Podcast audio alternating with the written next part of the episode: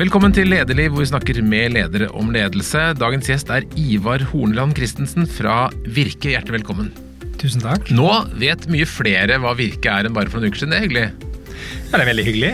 Eh, vi har jo stått på og kjempa, og jeg tror flere har fått øynene opp for Virke og bredden i Virke. Og Virke I gamle dager så var det handels- og servicenæringens hovedorganisasjon, men nå er det så mye mer? Ja, det vi, det vi sier at vi er nå, det er jo eh, handels- og tjenestenæringen. Eh, og det betyr, kort fortalt, der hvor du samler folk for å gjøre forretning, eller du er avhengig av folk for å gjøre forretning, så er det på en måte Virke. Og da er det stor bredde fra helsefeltet til selvfølgelig handel, men vi har ting som gravferdsbransjen, vi har treningsbransjen, vi har reiselivet, vi har konsulting. Så det er et stort bredde og, og 24 000 virksomheter med da 280 000 ansatte. Det er stort. Og, og selve virksomheten, hvor mange er dere på kontoret? Vi er 100 Når dere er på kontoret? ja, nå er det jo veldig få på kontoret, men, men, antallet vi har er jo da 140, og så har vi òg en forsikringsenhet som, som da er Virke Forsikring som er i tillegg, da. Og hvordan havnet du i sjefsstolen der? Ja, eh, det var sånn at jeg har jo gjort litt forskjellige ting. Og den jobben jeg hadde før jeg da kom til Virke, så, så hadde jeg jo vært noen år, og så tenkte jeg at og det skal jeg være ærlig på. Jeg hadde, jeg hadde, tenkt at hvis jeg skulle For da var jeg jo på fagforeningssiden i Tekna. Så hvis jeg skulle gjøre noe annet, så syntes jeg det var spennende med den andre siden. Og da hadde jeg tenkt på Virke. Og egentlig tenke at de er jo litt i utfordrerrollen. Det hadde vært gøy. Og så kom jo denne muligheten da. Så søkte jeg faktisk på den jobben, og var jo gjennom prosessen. Og var jo da så heldig at med, med, ja, ja. Så mange tror jo at sånne jobber bare blir til ved at man blir på en måte tatt inn og headhunta, men jeg søkte på vanlig måte og ble med i prosessen og fikk jobben. Hva tenkte du da, når du fikk vite det? Jeg husker akkurat når, når det skjedde, fordi var, eh, det var litt spennende på slutten der. Vi var bare noen få kandidater, og så var jeg akkurat eh, kommet til Gardermoen. Så jeg var i ferd med å gå ut, sant, der du vet når du har henta bagasjen, for jeg hadde vært på en jobbreise. Så ringer telefonen. Og så er de litt lure, disse som skulle fortelle meg dette her. Da. Så, så til slutt så sa jeg du, kom igjen da, la meg få nyheten. Og da regnet jeg jo med at jeg ikke fikk jobben. Og når de sa det da, så sa jeg nei, tuller dere? Uh, nei, de gjorde ikke det. Og, så de gjorde en liten gags med meg der, da, og da ble jeg jo kjempeglad. Så den togturen fra Gardermoen og hjem, den, det var sånn godfølelse. Ja, da følte jeg at uh, du hadde vunnet, vunnet, noe, da, og det var veldig tilfredsstillende å få tilbudet. Og så begynte du høsten 2018 som leder? Begynte da i oktober 2018, ja. Og hva tenkte du da at du skulle være? Altså Når du da kom inn på kontoret den første dagen, hva slags leder hadde, har du tenkt at du skulle være?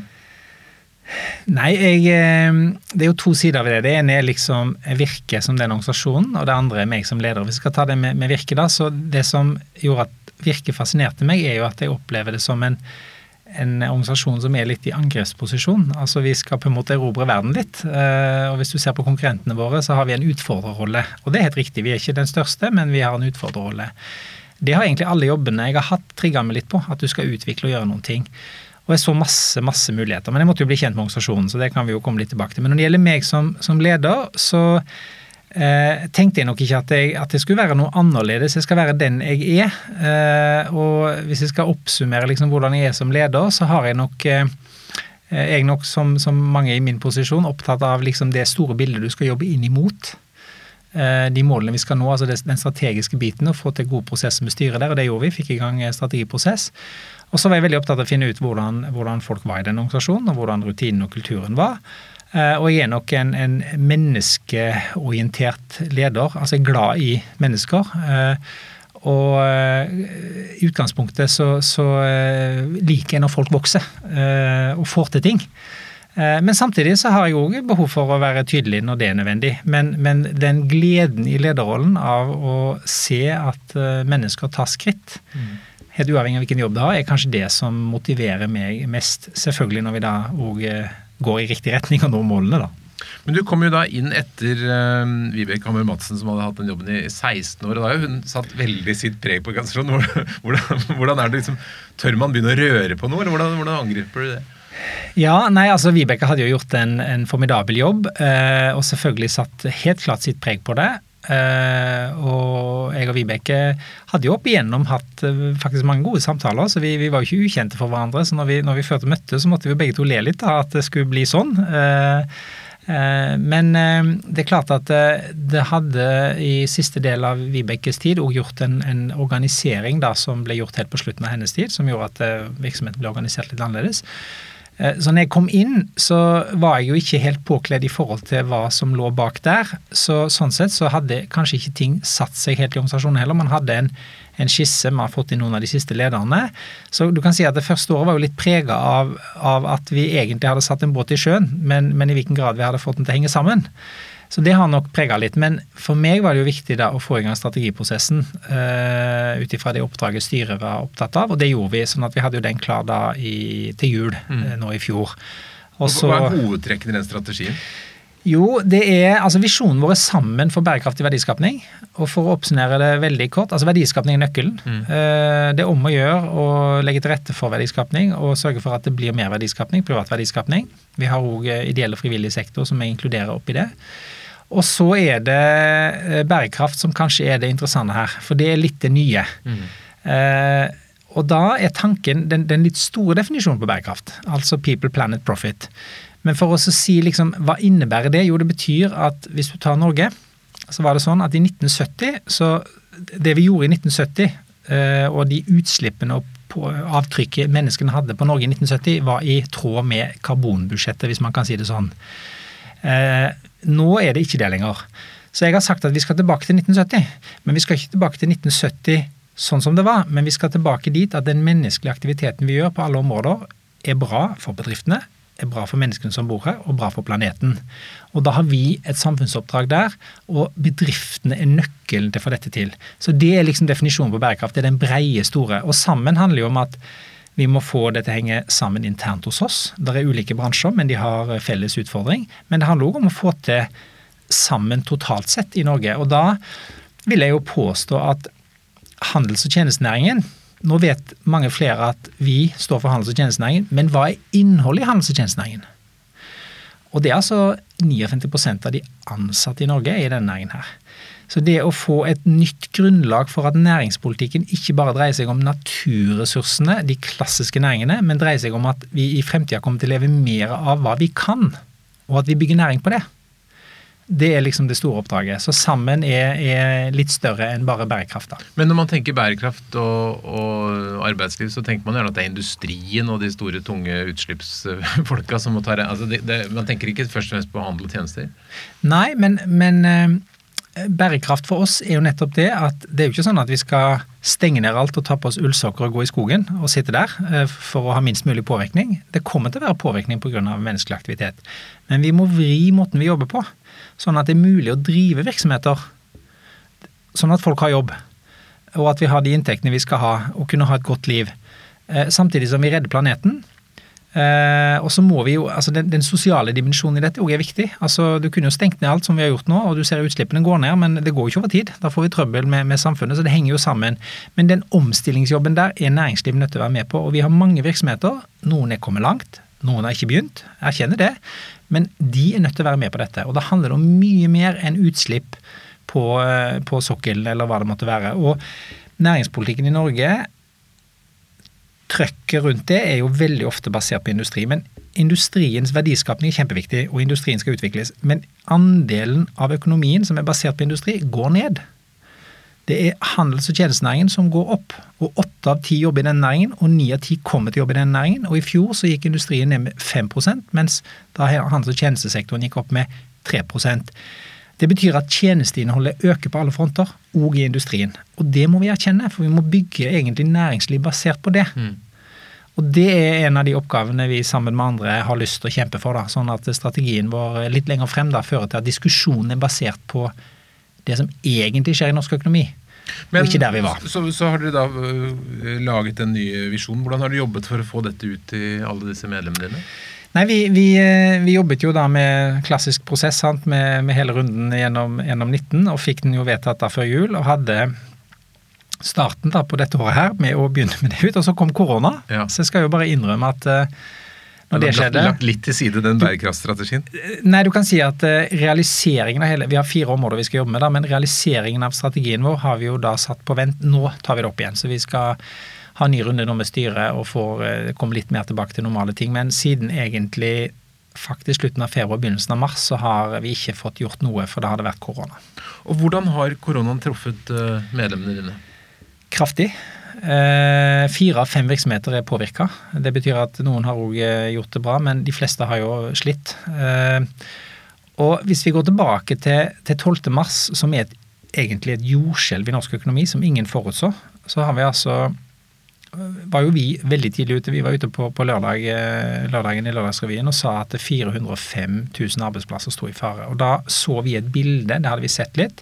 Så vi satt faktisk krisestab før nedstengningen, for vi skjønte at eh, signalene fra medlemmene var kraftige. Og snakket jo med liksom en bedriftsleder som sa det at den 12. mars stengte man ned.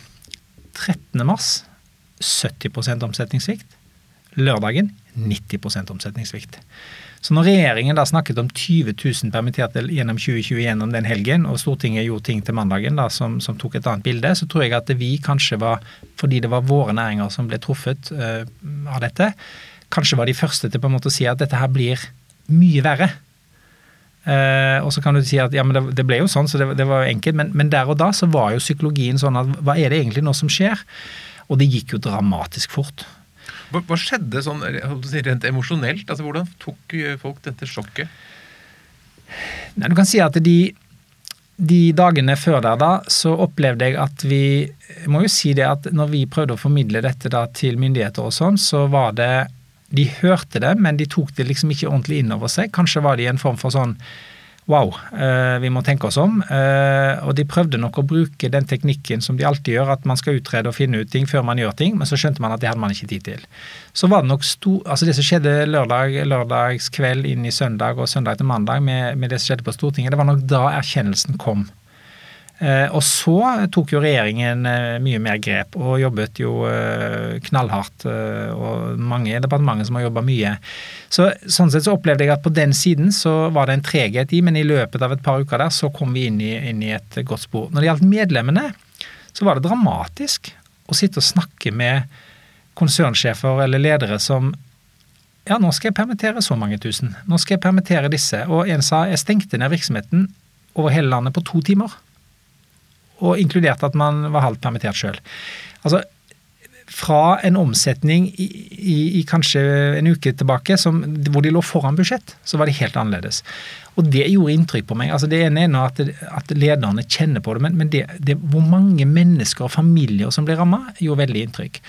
Og hvis du skal ta organisasjonen internt, så opplevde jeg jo en fantastisk sånn altså Vi, da, som, som liksom skal representere næringene, hvis dette var et øyeblikk hvor vi måtte vise vår relevans, så var det jo det. Så det var jo en enorm innsats. Eh, Dugnadsånd. Eh, men vi satt en krisestab. På en måte oppheva den organisasjonen vi hadde. Satt en tydelig krisestab. Hadde tre prioriteter. Én, vi skal være tilgjengelige for medlemmene og hjelpe dem med det som måtte være. To, vi skal få gjennomslag for de tingene som er viktige. Tre, vi skal ivareta de ansatte rent smittevernsmessig. Så vi putta alle hjem på hjemmekontor. Supergod på Teams på no time, og så kjørte vi. Eh, og, og, da har det vært en enorm mobilisering i organisasjonen, og, og folk har jobba enormt mye, men de har strekt seg langt, for de har følt at og, det interessante sykefraværet gikk jo ned òg. Så, så liksom, folk opplevde at dette var sannhetens øyeblikk. Nå skal vi vise at vi kan. Og det syns jeg jo eh, de ansatte har gjort til, til, de grader. Men så åpnet da myndighetene lommeboken med både utvidede permitteringsrettigheter og kontantstøtte. Har, har det vært bra nok? Har medlemmene fått nok? Du kan si det sånn at eh, det har jo vært ulike faser. Den akutte, altså man går tom for penger. Eh, så kom jo disse tingene relativt kjapt. Og jeg vil si permitteringene kom jo via Stortinget sånn. Eh, man kom med låneordningen og alle disse tingene. Og så den kompensasjonsordningen for uunngåelige faste kostnader, som vi jobba tett med andre aktører på og Finansdepartementet. Eh, det ble, gjort på tre uker, altså. Og hvis du går fire uker tilbake, så var holdningen at noe sånt skal vi ikke gjøre. Så det var én uke på å snu at vi faktisk måtte gjøre det, og så gjorde vi det på tre uker. Og det er nok en form for verdensrekord. Og da er det fordi vi har gjort mye på digitalisering som gjorde at det var mulig. Og så er det noen som mener at de ikke har truffet godt nok og sånn, men det var nok bedre å gjøre noe enn å vente på at det ble perfekt. Så Sånn sett så syns jeg at uh, i sum, både det vi har gjort på smittevern og disse tingene, så, så har det jo jeg, jeg, tror det har Det har iallfall ikke vært fullstendig feil sammenlignet med Sverige, da. Så jeg tror det har vært mye riktig i det. Men det viktige nå er jo å få Norge i gang igjen. Mm. Og da, Syns du regjeringen har vært god nok? Har de vært flinke nok? Altså, Jeg synes at eh, jeg skal gi regjeringen veldig skryt for at de har, de, de har jobba. Eh, det er ingen tvil om det. Eh, og det har vært, det, det har vært lett å få tak i de og, og sånn, så i den, i den akutte fasen så, så, må jeg jo si at jeg skjønner jobben. Men det er klart at det er alltid ting vi mener burde vært inkludert eller burde vært med, og som hadde, det er noen ting som ikke har truffet like godt og sånn, men i sum så tror jeg den akutte fasen var bra. Og så vil noen sikkert evaluere det etterpå og finne ut om vi, om vi traff helt 100 eh, Men når det gjelder fra nå med åpning og fremover, eh, så opplever jeg at regjeringen nå er litt tilbake til den, til den litt klassiske måten å gjøre det på. Og det jeg er redd for nå, det er at man, når man åpner opp, at man nå sier at nei, men nå går det jo greit. Eh, I helgene, nå så kommer man til å være ute og andre helger fremover, sant? og det, livet virker som normalt. Men det vi må huske på er at det er fortsatt bransjer som er stengt ned. Altså Det er flere permitterte i bransjer som er stengt ned, enn de som jobber i olje. Og de har per nå yrkesforbud. Trening er en av de. De håper vi åpner om ikke lenge. Kultur og sånt. Så, så, i sum så er det mange virksomhetsledere som sitter som egentlig ikke har mulighet til å drive. Pluss det andre er at mange må drive med énmeteren, og det bedriftene vil ta ansvar, men de skal drive på et nivå som gjør at de driver med, med fulle kostnader, men med halv maskin. Og da betyr det at lønnsomheten er trua. Mm. Så jobben for å sikre arbeidsplassene begynner egentlig nå. Og da må vi huske på at noen bransjer, reiseliv, kultur, disse er på et helt annet sted og kommer til å trenge mye lengre tid. Men jeg er veldig glad for alt som er kommet i gang. Og vårt mål er å få flest mulig i gang, men det er skummelt hvis man nå bare avlyser og sier at nå er det greit. Men noen bransjer har jo hatt problemer allerede før dette. som Varehandel har inntrykk av at det har vært ikke noe fest de siste årene? Nei, Varehandelen altså det er jo et variert bilde. Eh, gjennom korona nå så kan du si at dagligvare har gjort det veldig bra. Apotek har gjort det veldig bra. Eh, faktisk interiør og sånn har gjort det veldig bra. Men det er jo litt fordi at jeg og du har vært hjemme, og da har vi hatt tid til å pusse litt opp. Og ikke skal vi reise, og ikke går vi ut og spise. sant? Så, så, men omstillingen i, i handelen da eh, pågår jo. Eh, og der tror jeg at eh, eh, vi kommer til, altså vi kommer til å se kanskje større fart på det. Fordi jeg tror man kommer til å måtte tilpasse seg mer. Så sånn sett så vil jo krisen nok føre til at vi får omstrukturert, da. Men samtidig så tror jeg òg at noen av disse bransjene nå, når de bare får lov å drive, kommer òg tilbake igjen. Men, men, at krisen vil kunne føre til at vi får større fart på omstilling, det tror jeg. Er det bra? Uh, altså, de, for å si sånn, de levedyktige bedriftene, altså definisjonen på hva er det da? fordi mm. at de, de, som driver i mange av våre bransjer, driver jo ikke med tykke balanser. De, de, har drevet i 35 år de på en helt kurant og grei måte. Men jeg tror at de flinke her, de kommer til å klare seg. Uh, men det betyr at vi kan ikke neglisjere og ikke ha oppmerksomhet rundt dem. Vi må sørge for at uh, de òg blir sett og, og får mulighet. Og, men jeg tror det er bra at vi får til omstilling. Det er alltid bra med det, gitt at eh, det skaper konkurransekraft. Mm. At bedriften står bedre rusta. Men en type omstilling som gjør at vi ikke bryr oss med levedyktige bedrifter som har drevet i 35 år, og bare liksom kutter livlinja og så sørger for at ikke de får den overgangen de trenger for å kunne komme tilbake til et marked, det er ikke bra. Men eh, det har jo vært flere store butikkjeder som har eh, måttet legge opp de siste årene. Man blir litt overrasket. Kan vi komme til en situasjon som vi har sett i USA, hvor liksom kjøpesentre blir tomme eller blir lagt ned fordi det ikke er noe som vil drive butikk? Altså vi, vi, eh, og nå er jeg utenom korona, vi har jo sagt det at eh, kjøpesentertettheten Vi er jo nummer to i verden etter USA på det. Eh, og handelen drives egentlig av to ting. Det gjør at du får flere kanaler. Så hvis, hvis, du tenker deg at på klær og sånn, så er Før var jo fysisk areal eksponert overfor kunden, var det som drev det. Og det kommer vi fortsatt til å ha. Men vi kommer til å ha omstilling hvor, hvor, det er digitale aktører som tar mye av dette her. Og så tror jeg at opplevelsen av eh, kundeopplevelsen altså Man har gjort ekstremt mye på logistikksiden, men kundeopplevelsen kommer til å bli viktigere. Så opplevelsen i butikk, det betyr at eh, hvis du bruker plukk og hent, da, så skal det være lett å hente det. Mm. Det skal ikke være sånn at du må gjennom hele butikken. Så jeg, jeg, tror at mye av dette her kommer til å endre, og du får mer kombinasjoner. Eh, men at vi kommer til å ha tradisjonell handel, ja. At vi kommer til å ha kjøpesentre, ja. Men at eh, det endrer seg, det tror jeg, og kanskje raskere. Uh, Iallfall når du ser nå på klær, sko og disse som virkelig sliter, det er det mulig at det blir raskere endringer der. Uh, men dette men er mer den generelle trenden. Hvis, hvis, uh, hva, hva, er mest bærekraftig? At jeg går på butikken og kjøper noe, eller at jeg kjøper på nettet og det blir kjørt hjem til meg? ja, det er et godt spørsmål. Fordi For deg så kan det godt hende at det er veldig sånn lett ved at du får det levert hjemme. Um, og hvis du drar til noen av de stedene hvor de er blitt utrolig flinke på dette sånn Jeg var i Shanghai. altså det, Hvis du står og baker da og trenger sukker, så er de der på ti minutter. Uh, men da er det jo noe med befolkningstetthet. Litt annen, uh, Litt annen tetthet, men, men, de gjør det faktisk på elektriske altså de, The last mile er elektrisk mm. levert. da. Mm. Så jeg tror at uh, jeg tror vi må ha inn det som kalles sekulær økonomi, og der er det jo mange. altså jeg synes jo Sånn som Jernia da går foran her nå med å De har jo ikke løst alt, men de sier mer tjenester. 50% skal bli tjenester. Du kan levere tilbake metall. Eh, de, de, er opptatt av å få opp kompetansen på de ansatte rundt dette, sånn at jeg og du kan gjøre gode valg. Det tror jeg kommer til å komme. Så du kan si at om du får det levert da med, med fly fra Kina eh, og inkludert sånn, så er det ikke sikkert at regnskapet rent klimamessig er bedre om du får det levert hjemme eller om du går i butikken og henter det, men at de som leverer dette må sørge for at verdikjedene deres blir bærekraftige, og at det er en stor jobb. Det tror jeg. Og der eh, må jeg bare innrømme at det er jo ikke sånn at bransjen er i mål på det, eller bransjen er i mål på det, men jeg opplever økt oppmerksomhet, og at de ser at dette vil kunne gi et konkurransefortrinn lenger frem. Men jeg er ærlig på at det òg tar tid. Men det du sier at det handler om å i større grad å skape en opplevelse? Da, at vi, når vi kommer på kjøpesenteret blir kanskje mer involvering, smak, føling, lukt enn det er i dag? Ja, og så er det sånn at hva, hva, er det, hva er det første vi gjør hvis vi skal ha noen ting? vi går jo ikke ned på kjøpesenteret, vi sjekker på mobilen. sant? Så når du kommer inn på en eller annen eh, da, så har du allerede vært ute og sjekka ting. sant? Eh, og så er det jo da at butikken henger sammen med det. Men jeg har et, et, et eksempel fra en, en dagligvarekjede som har gjort noe spennende. De hadde litt utfordringer med dette med å få folk eh, på heltid.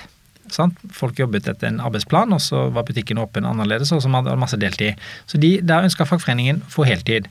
Eh, arbeidsgiverne ønska jo at det skulle være forutsigbarhet på, på, på, planen, og så skulle man selvfølgelig få mer butikk av det. Og det de gjorde der, de la om arbeidsplanen eh, og sørga for at flere ble fast ansatt. Putta på kompetanse, altså at du skulle kunne noe om mat i butikken. Eh, og det de resulterte i, bedre tilfredshet hos de ansatte, kundeopplevelsen ble bedre. Og de, de gjorde det faktisk god bedre rent lønnsomhetsmessig.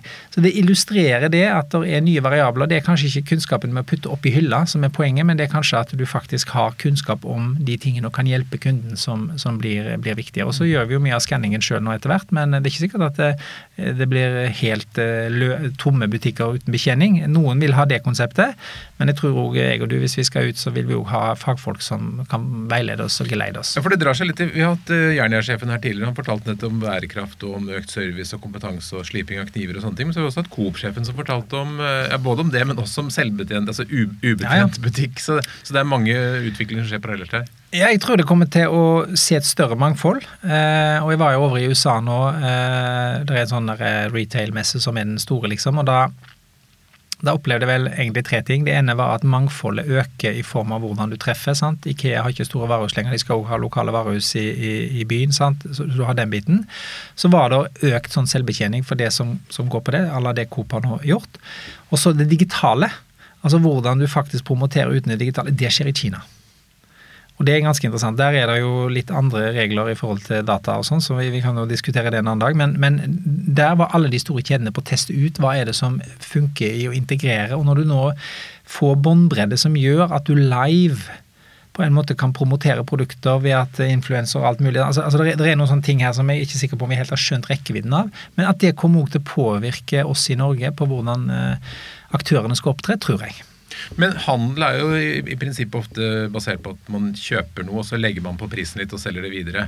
Eh, det vi ser er vel også at, at det, det, å være imellom kan være ganske krevende. At leverandørene begynner å selge varene sine selv, og at, at mellomleddet bare blir skvist ut. Ja, det er jo disrupsjon her. Eh, noen av de store netthandelsaktørene på klær f.eks. omsetter jo for ja, 1,2-1,3 milliarder eh, og har en helt annen kjede. Eh, jeg hørte jo nå at uh, Nike da hadde eh, tenkt en helt annen distribusjonsmodell. Så, så det, men sånn har det jo vært. Handelen har alltid vært i omstilling, så det skjer jo endringer.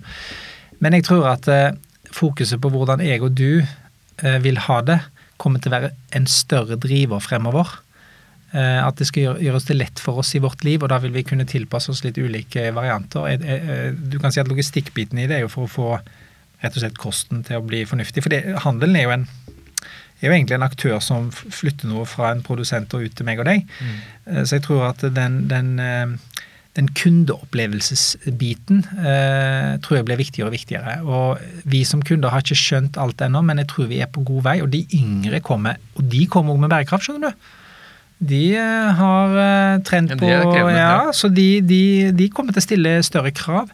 Så bare det å kunne fortelle hvor produktet kommer fra, at du har eh, kanskje en sirkulær verdikjede på et tidspunkt.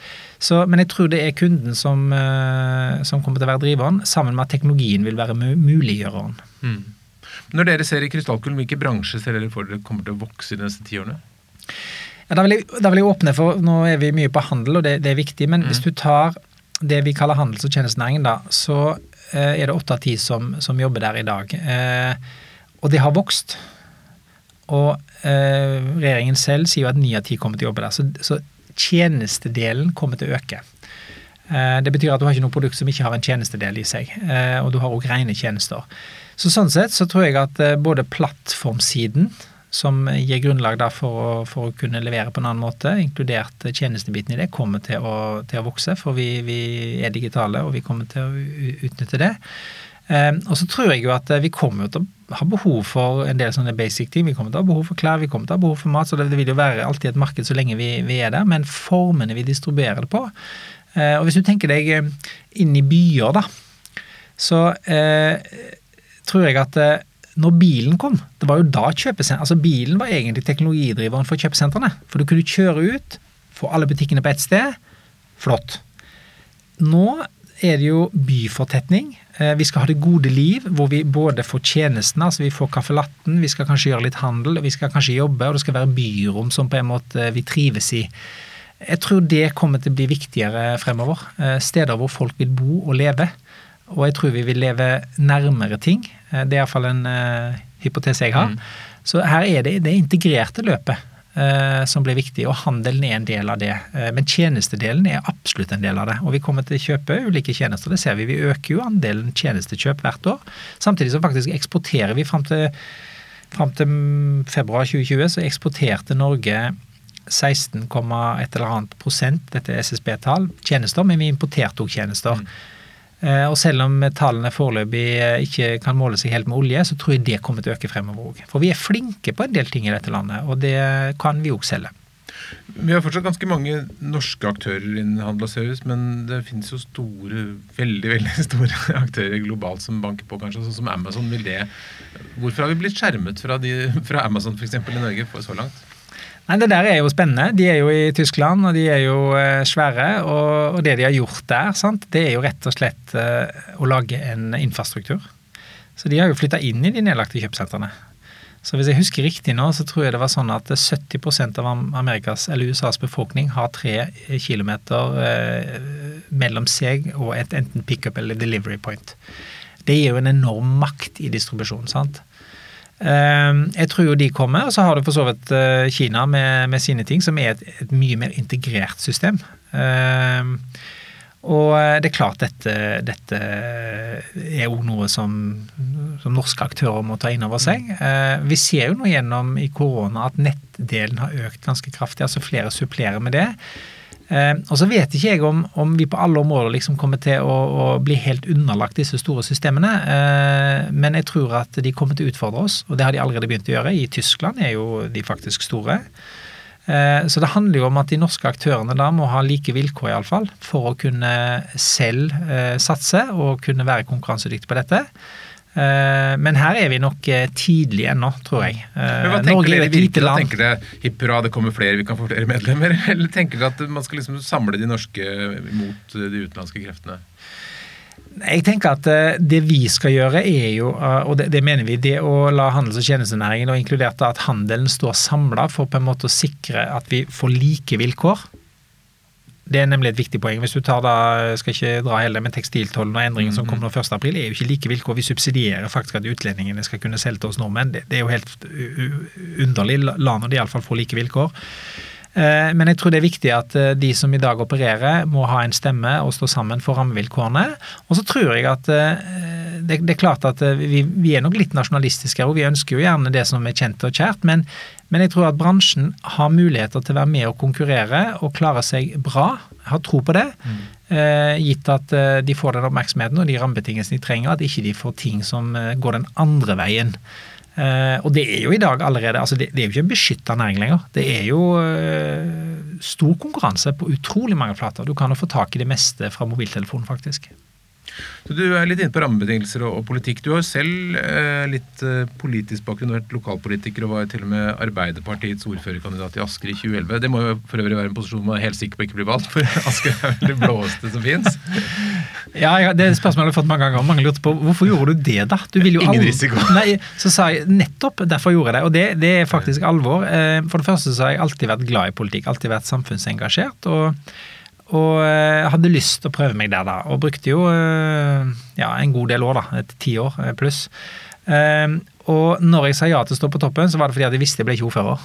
Eh, Selv om jeg selvfølgelig kjempa for det. Eh, Men det jeg lærte der, og som kanskje er litt meg, da Jeg har alltid vært nysgjerrig, og jeg tror på det at uansett hva du driver med, så lærer du noen ting, og du vet aldri når du får behov for det. Så du får kompetanse fra ulike ting. Det jeg lærte i politikken, er jo selvfølgelig hvordan er det egentlig man påvirker politisk, og hvordan er det prosessene kjøres, og hva kan du få til. Og det tror jeg mange hadde hatt godt av, for jeg tror mange føler at det er politikere er noe sånn uff, sant, og vi har mye meninger om det, men så skjønner man egentlig ikke helt hvordan det funker. Eh, Så det var utrolig lærerike år. eh, Og det gjorde nok at når jeg kom eh, og ble vurdert i Virke, så kan du si at både med en privat bakgrunn, eh, dette har vært da òg politiker skjønner de politiske prosessene, at det var viktige faktorer for å forstå. Tenker du at ledere burde være flinkere til å lære seg politikk? Ja, helt klart. Og en av de tingene jeg opplevde når jeg da var lokalpolitiker, det var jo hvor hjelpeløse, må faktisk si det, noen ganger bedriftsledere var. Jeg må si det, og, og det er ikke for å snakke noen ned, men, men hjelpeløse vil jeg si, i forhold til hvordan de skal påvirke. Og det har noe med at hvis du er på bunnlinjekjøret, for å si det sånn, og er, drevet på det, så er du veldig god på det. Og det er det du skal ha fokus på. Men hvordan det da fungerer på det politiske, da, da blir du superfrustrert når ikke det går fort nok, og når ikke du vet hvordan du skal påvirke. Så jeg opplevde at det er for lite forståelse for det. Og så tror jeg òg at politikken, dessverre, eh, og det mener jeg rekrutterer litt for ensidig. Eh, flere som har vært i jobb, og som har hatt ulike jobber, har hatt godt av å være i politikk, og vice versa. Eh, og Der er jeg nok litt redd for at profesjonaliseringen av politikken kan sørge for at du får politikere for politikken sin skyld, og ikke egentlig at du er folkevalgt og skal representere noen og faktisk skal gjøre et ombud og, og forstå. Og så betyr ikke det at ikke du har folk som ikke har yrkeserfaring, som faktisk kan forstå godt, for det har vi. Men jeg er litt redd for det, og da er det mange som sier at nei, men vet du, jeg skal drive med noe helt annet, skal ikke inn i politikk. Jeg tror vekselvirkningen er veldig bra. og Leif Frode Onarheim satt jeg sammen med i, i kommunestyret. Vi, han er Høyre, da. Vi jobba veldig godt sammen. Eh, Stor respekt for han. En flott fyr. Masse erfaring. eh, Utrolig gøy. Eh, Og han reflekterer litt rundt det samme. Sant? Han har vært privat næringsliv, vært på toppen, han har vært i kunnskapssystemet, og han har vært politiker. Og jeg mener vi skulle hatt flere av den typen han er, eh, for jeg tror det er bra for både politikk og næringsliv. Men det å være aktiv eh, politiker og assosiert med et parti er kanskje ikke så lett å forene med en lederrolle. Hadde, hadde det vært vanskelig for deg kanskje å være virkeleder nå og samtidig stå på en liste? Ja, altså jeg, Nå gjør jeg jo ikke det, jeg, eh, men det er jo et Google-søk, så vet jo folk hvor jeg står hen. Så jeg, jeg, jeg eh, legger jo ikke skjul på det. eh, Men jeg har jo ikke hatt noen aktive posisjoner eller noen verv nå, og det er jo bevisst. For jeg, kunne ikke den ene dagen gjøre det og den andre dagen. Altså, Når jeg er virkesjef, så skal jeg ivareta jobben som virkesjef med alt det jeg kan på vegne av medlemmene.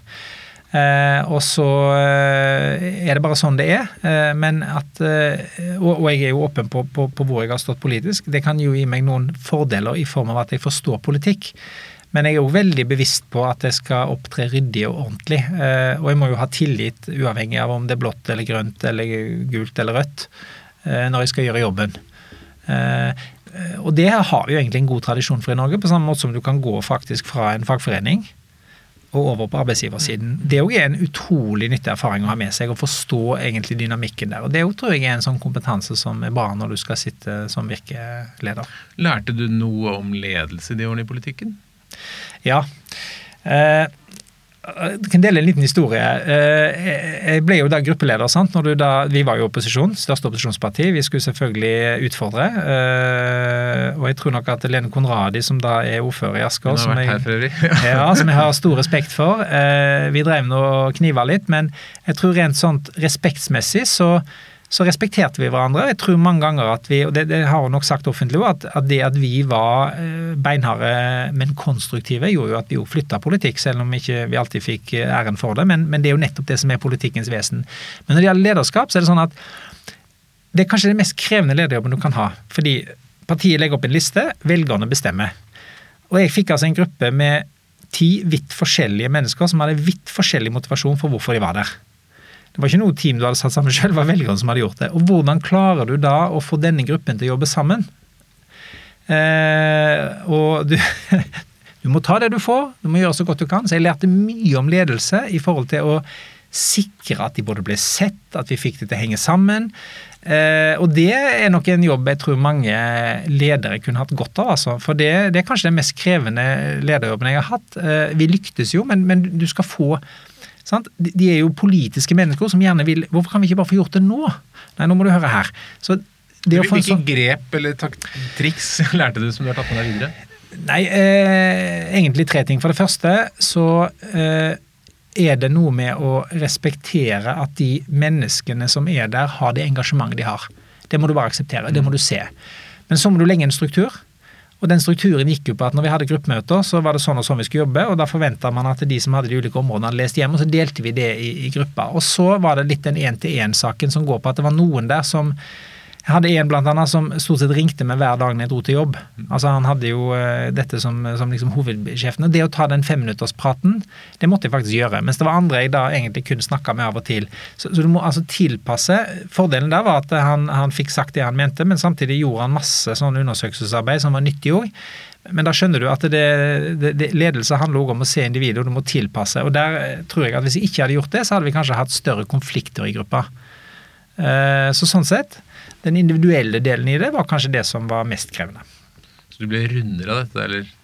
Nei, jeg vil ikke si at jeg ble rundere, men, men du må du har jo altså, du har den gruppa du har. Nå høres det ut som at det var fryktelig eh, krevende. Nei, men, det var mangfold. Ja. Men, men, mangfoldet i seg sjøl altså Du må få kanalisert energien i en retning. For alle hadde masse energi, og hvis ikke den energien hadde gått i en retning, og vi hadde hatt en plan på det, så hadde jo de blitt leie etter et år. Jeg opplevde at vi fikk lagt noen, noen, løp, og energien ble kanalisert i en retning. De fikk blomstre litt individuelt, men samtidig så så de at vi gjennom fireårs-, åtteårsperioden faktisk påvirka politikken. Mm. Og det var jo, men det, det, kunne du ikke si de første årene, men etter hvert så, så skjedde det. Vi, vi, fikk egentlig Høyre til å ta saker som eh, ble deres, men som egentlig var våre. Dette med politikk og næringsliv er en bra inngang til, neste, til et tema som vet du er veldig opptatt av trepartssamarbeidet. Ja. Er, du er helt fan du av trepartssamarbeidet? Ja, jeg er det. Jeg er fan av trepartssamarbeidet, og eh, for meg Det er ikke alle som vet hva det er. Kan du bare forklare det veldig kort? Forklare det veldig godt. Det er noe så enkelt som at eh, vi har arbeidsgivere og arbeidstakere. Og det er toparten, altså de som representerer fagforeningene og vi som representerer bedriftene. Det er toparten. Treparten betyr når du putter inn myndighetene. Så vi tre sammen Uh, og det kan du si at i korona nå, Vi hadde en diskusjon jeg sitter jo i sysselsettingsutvalget, vi hadde liksom en diskusjon hele tida om dette med ja, men hvordan er det nå med trepartssamarbeidet dør, det må vi finne på noe nytt. sant? Men hva er det som skjer når krisen rammes? Jo, da snakker vi sammen. Og hvorfor gjør vi det? Jo, vi har tillit til hverandre. Det er mulig å snakke og tenke høyt sammen uh, for å prøve å finne best mulig løsning. Uh, det er ikke alltid vi er enige, men når det var påkrevd, så mener jeg at Norge har et superkonkurransefortrinn fordi vi evner faktisk å gå sammen om å gjøre nødvendige grep, inkludert av omstillinger. Hvis du går tilbake til olje- og gasskrisen, da jeg da jobba veldig mye med den, så var det litt det samme òg, at, at, man skjønte at dette ble en omstilling. Og det at man da er, er, er, altså på en måte representerer noen og må ta ansvar, og da går inn og blir enige om eh, hvordan man gjør dette, gjør at vi gjør det med mindre samfunnsøkonomiske kostnader enn om vi liksom skulle hatt full krig. Så Sånn sett er jeg veldig fan av trepartssamarbeid. Men det er jo alt fra det lokale samarbeidet på bedriften, som da er toparten, til når vi da satt nå i koronakrisen og jobbet på kryss og tvers eh, om de ulike tiltakene for å prøve å få dette til best mulig. Det har selvfølgelig vært en krevende periode og, og masse å gjøre, men har det også vært en, en hyggelig periode? Ja, eh, det har eh, Det har jo vært eh, utrolig stimulerende å oppleve at det du står opp og gjør hver dag, faktisk har stor betydning. Altså Det høres ut som at det ikke har betydning før korona, men, men, det oppleves ekstra stimulerende at det har det. Og at du da får Selvfølgelig får vi kjeft fra medlemmer innimellom som er fortvila, sånn men vi har fått mye gode tilbakemeldinger. Eh, og jeg har vært stolt over alle de ansatte som har stått på sånn som de har gjort. Eh, og, og jeg syns jo at vi òg med en del av de undersøkelsene vi gjør nå, så har vi, har vi Altså, Vi har klart gjennom korona å ta en posisjon. Vi kunne bare vært med på løpet uten at det hadde skjedd noen ting, men ved at vi gjorde noen aktive grep, så har vi òg styrka posisjonen vår. Og Det er jeg veldig stolt over, og det, det gir glede. Men det er klart at det, det gikk jo døgnet rundt en stund. Eh, så man kjenner jo at man er bare et menneske òg. Eh, på et tidspunkt så må du puste litt. Eh, og det har jeg jo vært opptatt av som leder, at det er noen kostnader her når folk jobber så mye. Og folk er indre motivert, så det å klare å, å styre dette, da. Men jeg vil jo si at i sum så er det mer gleder enn en fortvilelse, hvis det går an å si det sånn. Og Virke kommer på en måte styrket ut av dette? Jeg opplever helt klart at vi gjør det, og tilbakemeldingen fra medlemmene er jo det som er, er det viktige. At vi har tatt samfunnsarenaen på en helt annen måte. Så, men når vi så da har lagt koronakrisen bak oss, håper at det er ganske fort, hva blir den neste store kampen for dere? Den neste store kampen er jo kort fortalt det at handels- og tjenestenæringen er ekstremt viktig for norsk økonomi og for fremtiden av norsk økonomi. Så vi skal ta kampen for å få frem betydningen. Sørge for at dette blir en del av politikken for å få rammebetingelser til, eh, til medlemmene våre. Eh, det er kanskje den aller største kampen. I det så ligger òg dette med at vi skal jobbe offensivt med bærekraft. Og på en måte være en del av løsningen og ikke en del av problemet. Sammen med medlemmene våre. Og så, hvis vi skal ta et tredje punkt, så føler jeg at vi har lært veldig mye. Altså Vi har jobba med masse innovasjonsprosjekter faktisk parallelt her nå. Så vi skal innovere i måten vi jobber og engasjerer medlemmer på. Vi skal være en av verdiene våre er jo tett på, så vi skal være enda tettere på medlemmene våre fremover. Ved at vi også skal bruke nye metoder for det, og, og sørge for at vi både selvfølgelig leverer til dem, men òg bruker dem. Det er egentlig gullet vårt. Eh, faktaene, analysen, vurderingene, medlemmene får faktisk å kunne komme med forslagene som eh, politikerne må eh, vedta. Høres ut som mye energi jeg ble veldig motivert av dette. Jeg ble veldig, veldig motivert, faktisk, mm. av jobben. Og, og, eh, og, det å jobbe sammen med, med, flinke folk. Og ja, jeg gleder meg jo til fortsettelsen, mm. for all del. Mm. Helt til slutt, Hvis det kommer en ung person til deg og sier at jeg skal bli sånn leder som deg, Ivar, hva, hva er de tre viktigste rådene du vil gi da? ja, ja eh, en bitte liten digresjon der. Altså, når jeg ser på unge talenter nå, og hører hva de har gjort, så tenker jeg herlighet, hvor var jeg hen? For jeg er litt den generasjonen at engasjementet mitt har nok alltid styrt meg. Men jeg var litt sånn at jeg begynte et sted, så får vi se hva det bringer. Så har jeg prøvd å gjort så god jobb der jeg har vært, og så har ting blitt litt til. Har nok alltid hatt en drøm og dragning mot å få lov å skape og faktisk lede. Det tror jeg. Det har ligget i meg. Så når jeg ser på mange unge talenter, nå er jeg jo litt med i sånne mentorting, så, så blir jeg jo så imponert. Men men jeg har to ting. Uh, og det har jeg egentlig faktisk tre ting. To, ta, ta tre ting. du får lov å gi tre råd. Ja, det første er nysgjerrigheten din er den beste kilden til læring. Og du kan lære av andre og gjennom andre. Og aldri undervurdere det. Hvis du, hvis du liksom tror du skal bare bli best på én ting, for jeg tror at fremtidens ledere må være hele mennesker.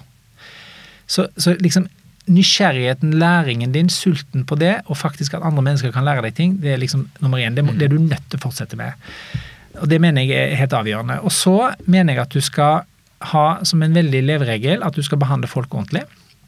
Eh, med det mener jeg at du skal være tydelig på de beslutningene du skal ta, men du skal tenke at eh, de beslutningene du tar, og jeg har tatt noen av de hvor, hvor noen eh, ikke skal være der lenger og sånn, det skal du gjøre på en sånn måte at du kan se de øynene etterpå. Det mener jeg er en ekstremt god leveregel. Og så Det siste, som kanskje er det største, er at det, det, er umulig å gi en oppskrift, men du må kunne trives og kjenne på at det å stå i, i en uforutsigbar fremtid Hvis du tror at den, den, blir forutsigbar på et tidspunkt, så tror jeg ikke du vil lykkes. Du, du må, du må, det er litt sånn som i korona, når det er kaos, så må du, må du, egentlig kunne stå litt i det og ta ups and downs, men, men kjenne på at det er du trygg nok på. Så det å skaffe deg da denne erfaringen gjør at jeg tror du blir trygg når du da tar stopp, eh, steppet helt opp. Eh, men at du må rett og slett kjenne at eh, jeg trives i, i den endringsbølgen som kommer til å være der. og Den kommer bare til å bli større. Så skal du produsere resultater der, så må du egentlig kunne trives i en uforutsigbar fremtid og, og, kunne ha det godt med deg sjøl. Og da tror jeg det er viktig at du har, et, du har noen arenaer som bare er deg sjøl. Mm. Sånn at ikke du, det blir 24-7, for det blir det veldig fort. Men du må ha noen arenaer hvor du får lov å være helt deg sjøl. Og hvor er dine? Nei, mine er jo eh, det, er jo en del gode venner, da, hvor jeg eh, kan være helt meg sjøl. Eh, og så liker vi å, å, å, å reise, og faktisk òg være Det høres jo sånn, alle sier jo det, sant? Men, men det å da være i skogen eller være på ski, altså gjøre sånne andre ting. Så vi forsøker så godt vi kan å gjøre sånne luker, men da tar jeg helt fri.